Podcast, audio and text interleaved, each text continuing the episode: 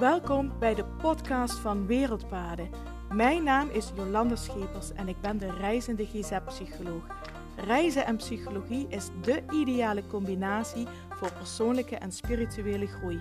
In mijn podcast deel ik verhalen en inzichten van over de hele wereld en uit mijn eigen ervaring om jou te inspireren om alles uit het leven te halen wat erin zit. Om samen met jou de reis naar je hart te maken en jouw meest zingevende leven te gaan leiden.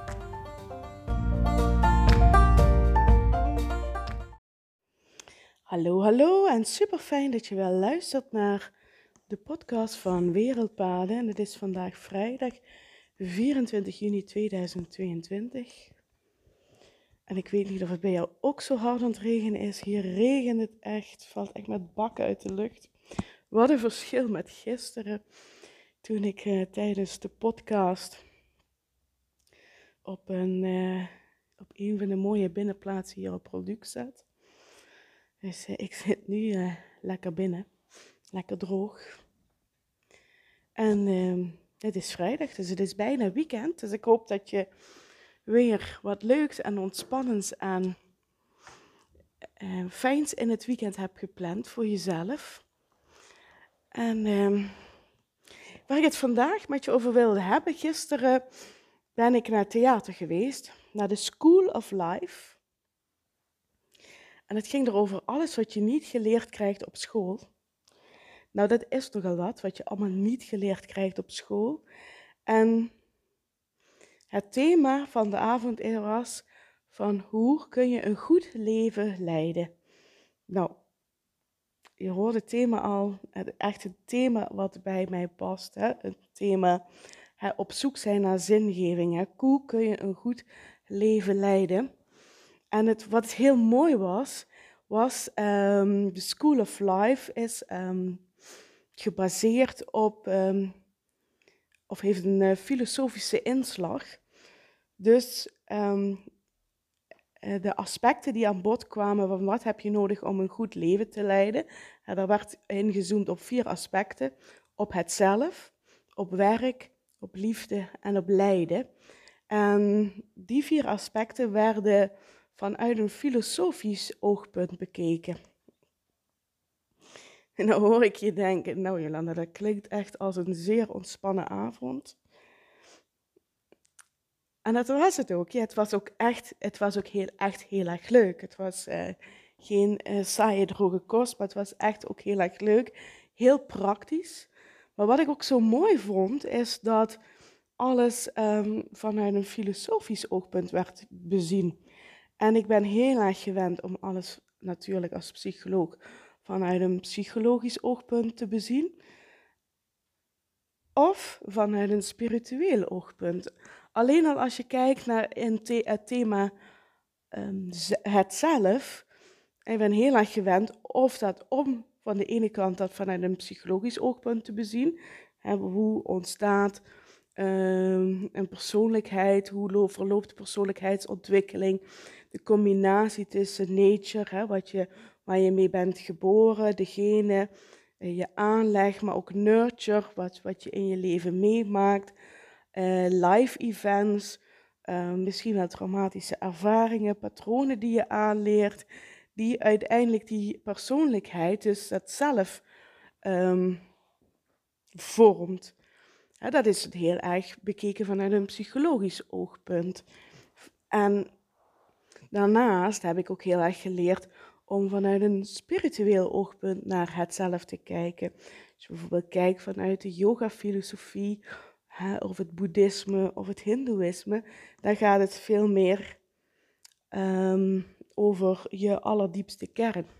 Trouwens, ik noem nou yoga, filosofie, boeddhisme en hindoeïsme, maar dat geldt natuurlijk ook voor um, als je het vanuit een christelijk oogpunt bekijkt of, of het islamitisch. Het maakt eigenlijk niet zoveel uit. Een religieus oogpunt, een spiritueel oogpunt, daar gaat het heel vaak het zelf om de ziel. Hè? De, het, het, vaak wordt er dan, als ik bijvoorbeeld denk aan de yoga-filosofie, een onderscheid gemaakt tussen het zelf, wat je met kleine letters schrijft, of soms noemen we dat ook wel het ego. en het zelf met hoofdletter. En het zelf met hoofdletter, dan hebben we het wat we vaak noemen en wat je ook soms wel voorbij ziet komen, het ware zelf, het hogere zelf, je ziel. Eh, het ligt er maar net aan vanuit welke stroming of vanuit welke religie um, dat je dat bekijkt, hoe we het dan noemen. En, maar vaak wordt daar dan mee bedoeld, met die ziel, dat zelf met een hoofdletter, het hogere zelf, het ware zelf, um, wordt daarmee ook bedoeld, een deel, um, dat niet sterft, wat maar steeds doorleeft. Hè? Zo van het leven na de dood. En dan zit je echt op het spirituele of op het religieuze stuk. En dat zijn twee aspecten van het zelf, waar ik me de laatste jaren heel erg in verdiept heb. Natuurlijk het psychologische vanuit mijn vak bezien. En het spirituele, ik ben heel erg bezig geweest met um, het bestuderen van yoga, filosofie, maar ook um, ja, wat we hebben meegekregen. Ik ben katholiek opgevoed, dus daar heb je dat ook wel meegekregen. De ziel en het leven na de dood. En, maar ook um, vanuit uh, de reizen die wij hebben gemaakt. en de mensen die we hebben gesproken in Azië, mensen die boeddhistisch zijn, mensen die hindoe zijn. Maar ook nu weer in Namibië bij de bosjesmannen en bij de Himba. Uh, waar dit ook weer naar boven komt. Hè? Het, het, het, het, um, het ware zelf wat steeds blijft doorleven. Hè? In feite hebben ze het daar ook over de ziel. Dus eigenlijk zie je het op alle plekken van de wereld uh, terugkomen, dat hogere zelf. Maar goed, terug naar vanavond, of gisteravond. Toen ging het veel meer over een filosofische inslag um, van het zelf. Um, dat bijvoorbeeld Sartre, die zegt het jezelf, je ben je, je, je, het zelf wordt gevormd door de keuzes die je maakt in het leven moest ik ook wel weer denken aan het boek wat Michael Pilarczyk gelezen of geschreven heeft, van je bent wie je denkt. Dat komt eigenlijk vanuit, die, vanuit ook wat Sartre gezegd heeft. Van je bent, je bent de keuzes die je zelf gemaakt hebt. Je bent wat je denkt. Komt daar wel bij mee overeen. Uh, Rousseau, andere filosoof, die zegt bijvoorbeeld van dat wij onszelf zijn kwijtgeraakt, komt door de jachtige maatschappij. En als we terugkeren naar de natuur, dan gaan we weer voelen wat ons hart zegt. En um, dan worden we weer onszelf. Dan, daar zit onze echte zelf. Nou ja, misschien herken je het. Dit is ook wel heel vaak wat ik zeg. Hè? Terug de verbinding weer zoeken met de natuur. Om weer tot jezelf te komen luister naar je hart. Wat voel je op dit moment? En om zo op die manier jezelf te vinden. Dus het hele mooie was ook nog dat vanuit de verschillende filosofische invalshoeken ik ook wel weer linken kon leggen met bijvoorbeeld um, hoe ik naar het zelf kijk of hoe, uh, wat ik om mij heen hoor. Bijvoorbeeld wat Michael Pilarczyk zegt over het zelf. Dus dat vond ik echt wel heel boeiend. En, um, en vervolgens ging het ook over werk. En in eerste instantie ging het over de homo economicus.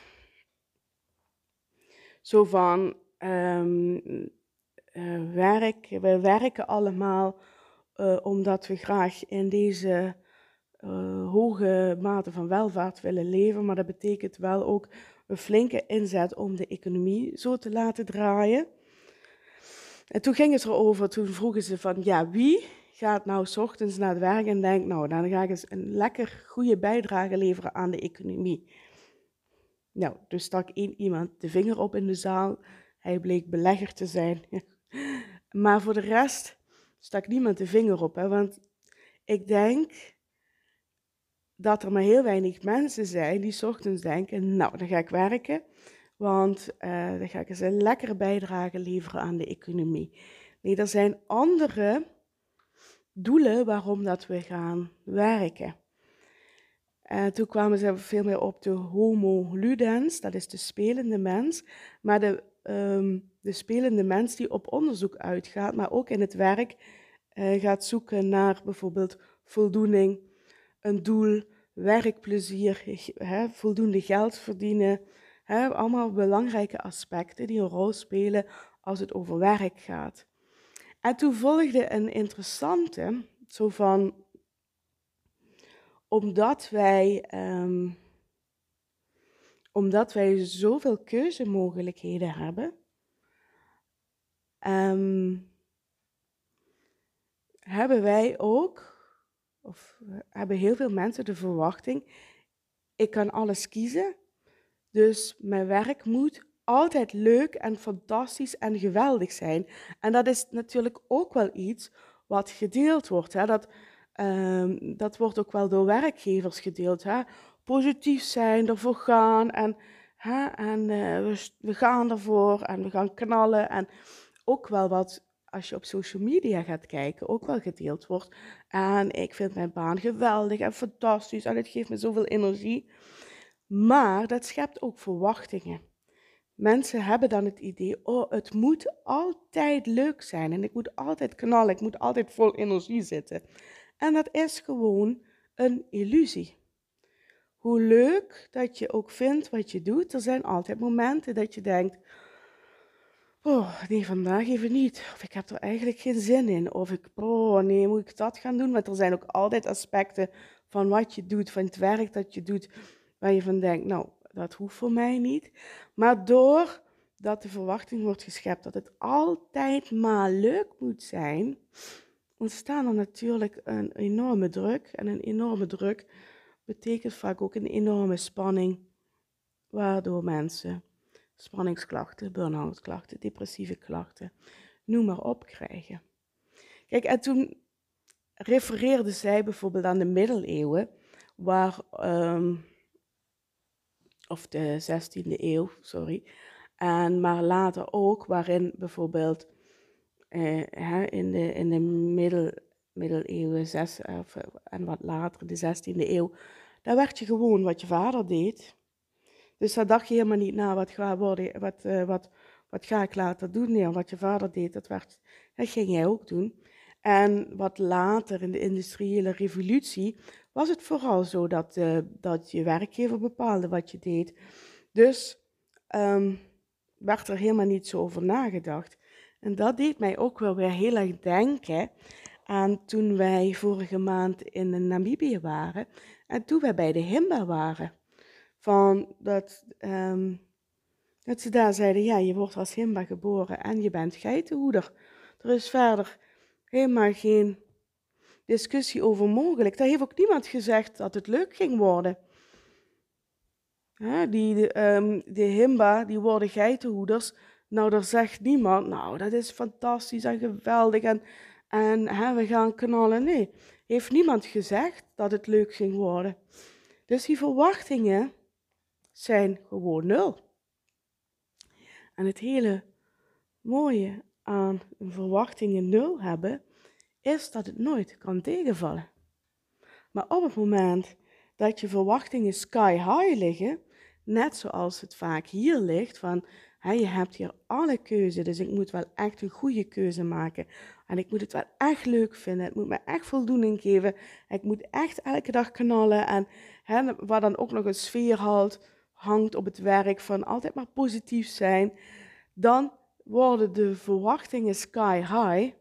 En als je sky high verwachtingen hebt, dan is dus de kans op teleurstellingen ook heel erg groot. Want niks en niemand kan aan zulke sky high verwachtingen voldoen.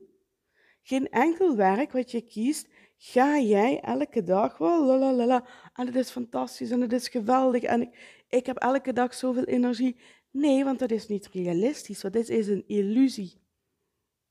En soms mag je ook zeggen, nou ik heb vandaag een bal, ik heb er helemaal geen zin in. Oh. En dan nog, hè, al vind, ik vind ook, ik vind wat ik doe, vind ik heel erg leuk. En, maar ik heb ook wel eens vaker gedeeld in deze podcast, en zeker de afgelopen dagen, heb ik ook wel gedeeld waar ik tegenaan loop en waar ik soms ook over twijfel. Wil ik dit nog wel? Want dat mag er wel ook altijd op volgen. Wil ik dit nog wel? Het is bij jezelf echt gaan voelen hoe dingen voelen, maakt ook dat je constant kunt blijven reflecteren. En als jij jezelf voor de gek blijft houden, maar uh, het is fantastisch en geweldig en ik heb altijd energie, omdat je denkt dat dat is wat er van je verwacht wordt, dan voel je ook niet meer bij jezelf of dit nog wel is wat, bij, wat je wil en wat bij je past. En um, je gaat het pas voelen als je lichaam signalen gaat afgeven. En dan gaan we richting de burn-out klachten. En gisteren verstelde ze ook een hele interessante vraag. Moet werk altijd een hoger doel dienen? Moet het altijd zinvol zijn? Of kun je ook een baan hebben waar je van denkt, oh ja, het is wel oké. En toen zeiden ze, moet, een, moet werk altijd een hoger doel hebben? Moet werk altijd zinvol zijn? Of is dat enkel voorbehouden aan enkele geluksvogels? Dat is een interessante vraag. Hè? Daarbij denk ik hè, dat werk niet altijd dat hogere doel of die, hè, dat, dat, zo zinvol moet zijn. Hè? Kijk, kijk, het gaat over zingeving. Um, ik vind zingeving ontzettend belangrijk. Hè? Wat, wie ben ik en wat wil ik in mijn leven en waar, waar, waar krijg ik enorm veel voldoening van, waar krijg ik een enorm goed gevoel van. Dat hoeft natuurlijk niet per se in werk te zitten. Hè? Dat kan ook in totaal iets anders zitten wat je doet in je leven. Kijk, het is, kijk, het is natuurlijk mooi als je ervoor betaald krijgt en dan noemen we het werk. Dat is natuurlijk fantastisch, maar het kan net zo fantastisch zijn als het iets is, als het bijvoorbeeld een hobby is. Of als jij bijvoorbeeld uh, in, um, um, in hè, hele goede dingen doet, wat, wat je ontzettend veel voldoening geeft in de buurt. Of noem maar op, als vrijwilligerswerk of als hobby of als, uh, als je op reis bent of uh, muziek maken of kunst of noem maar op. Zingeving zit niet altijd gekoppeld aan werk. En uh, dat was wel heel interessant. Andere thema's die we nog besproken hadden gisteren tijdens theater was liefde. Liefde en hoe zie je relaties, partnerrelatie, vriendschapsrelatie. Was belangrijk in een partnerrelatie, was belangrijk in een vriendschapsrelatie en lijden. En dan hebben we het over lijden met een lange ei. En dat was ook wel heel interessant, omdat uh, vroeger in de middeleeuwen waren mensen niet zo oud. En, en dus uh, mensen uh, hadden ook veel meer, kregen ook veel meer te maken tijdens hun leven met sterfgevallen. En, en Daarin werd lijden een onderdeel van het leven.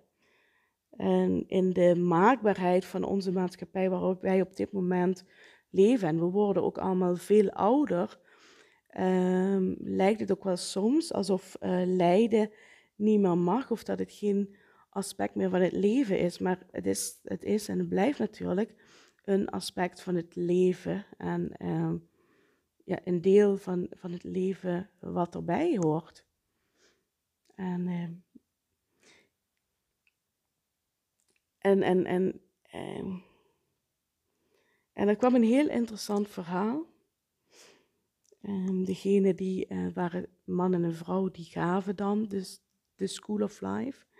En die man was aan het vertellen dat zijn moeder op sterven lag. Het een hele verdrietige tijd. En dat een vriend uh, zei, belde en vroeg, hoe gaat het met je? En hij zei, ja, heel slecht. Hè? gaat slecht met mijn moeder. En dat die vriend toen zei, oh wat erg, maar geniet je ook een beetje? En hij dacht eerst, wat is dat voor een achterlijke vraag? Geniet je ook een beetje?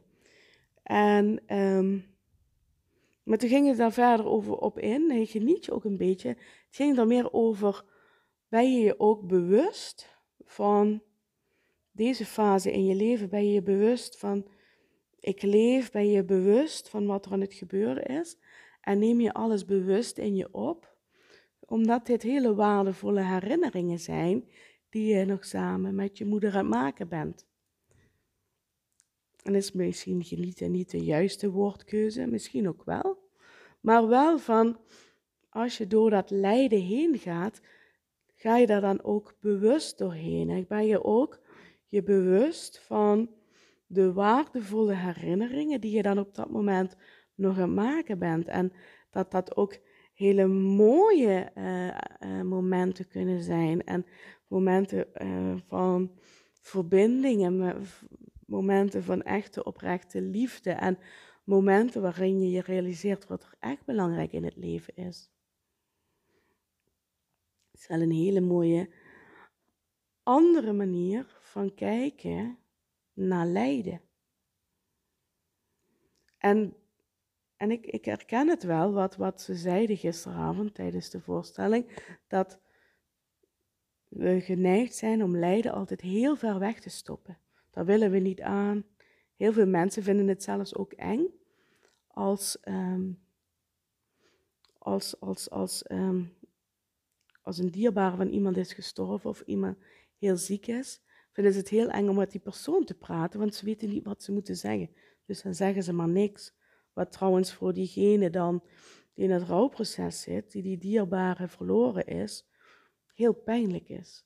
Maar dat is onze krampachtige vorm, manier waarop wij met lijden omgaan. Omdat wij toch in een soort maatschappij leven die, um, waarin we denken dat alles maakbaar is. Dus al met al was het een zeer interessante avond. En heb ik er eh, echt ontzettend van genoten. En ook wel weer een eye-opener om het net allemaal het leven vanuit een ander perspectief te bezien. Het filosofische perspectief. Maar dan ook vervolgens bij de conclusie trekken dat het eigenlijk niet zo heel anders is dan, um, dan het perspectief waarin ik heel erg heb geleerd om te kijken. Het psychologische uh, perspectief of het spirituele perspectief. Het wereldse perspectief kan ik ook wel noemen, omdat tijdens onze reizen uh, we veel praten met mensen. En dat er echt ook wel heel veel overlap in zit. En ik dacht, het is een mooi thema voor de podcast van vandaag en een mooi thema om deze week mee af te sluiten. Dus ik ga jou een heel fijn weekend wensen. Denk er maar eens rustig over na. Laat maar eens rustig bezinken tijdens het weekend wat ik allemaal net in de podcast verteld heb. Ga van het weekend genieten. En uh, Dank je wel voor het luisteren. Mocht je nog vragen of opmerkingen hebben over dit thema, of mocht je um, me willen laten weten wat je van de podcast vindt. Vind ik natuurlijk uiteraard ook heel erg leuk. Stuur me een berichtje via social media of een mailtje naar info.wereldpaden.nl. Hey, super bedankt voor het luisteren. Ik wens je een heel fijn weekend en ik spreek je maandag weer. Goedjes, doei doei.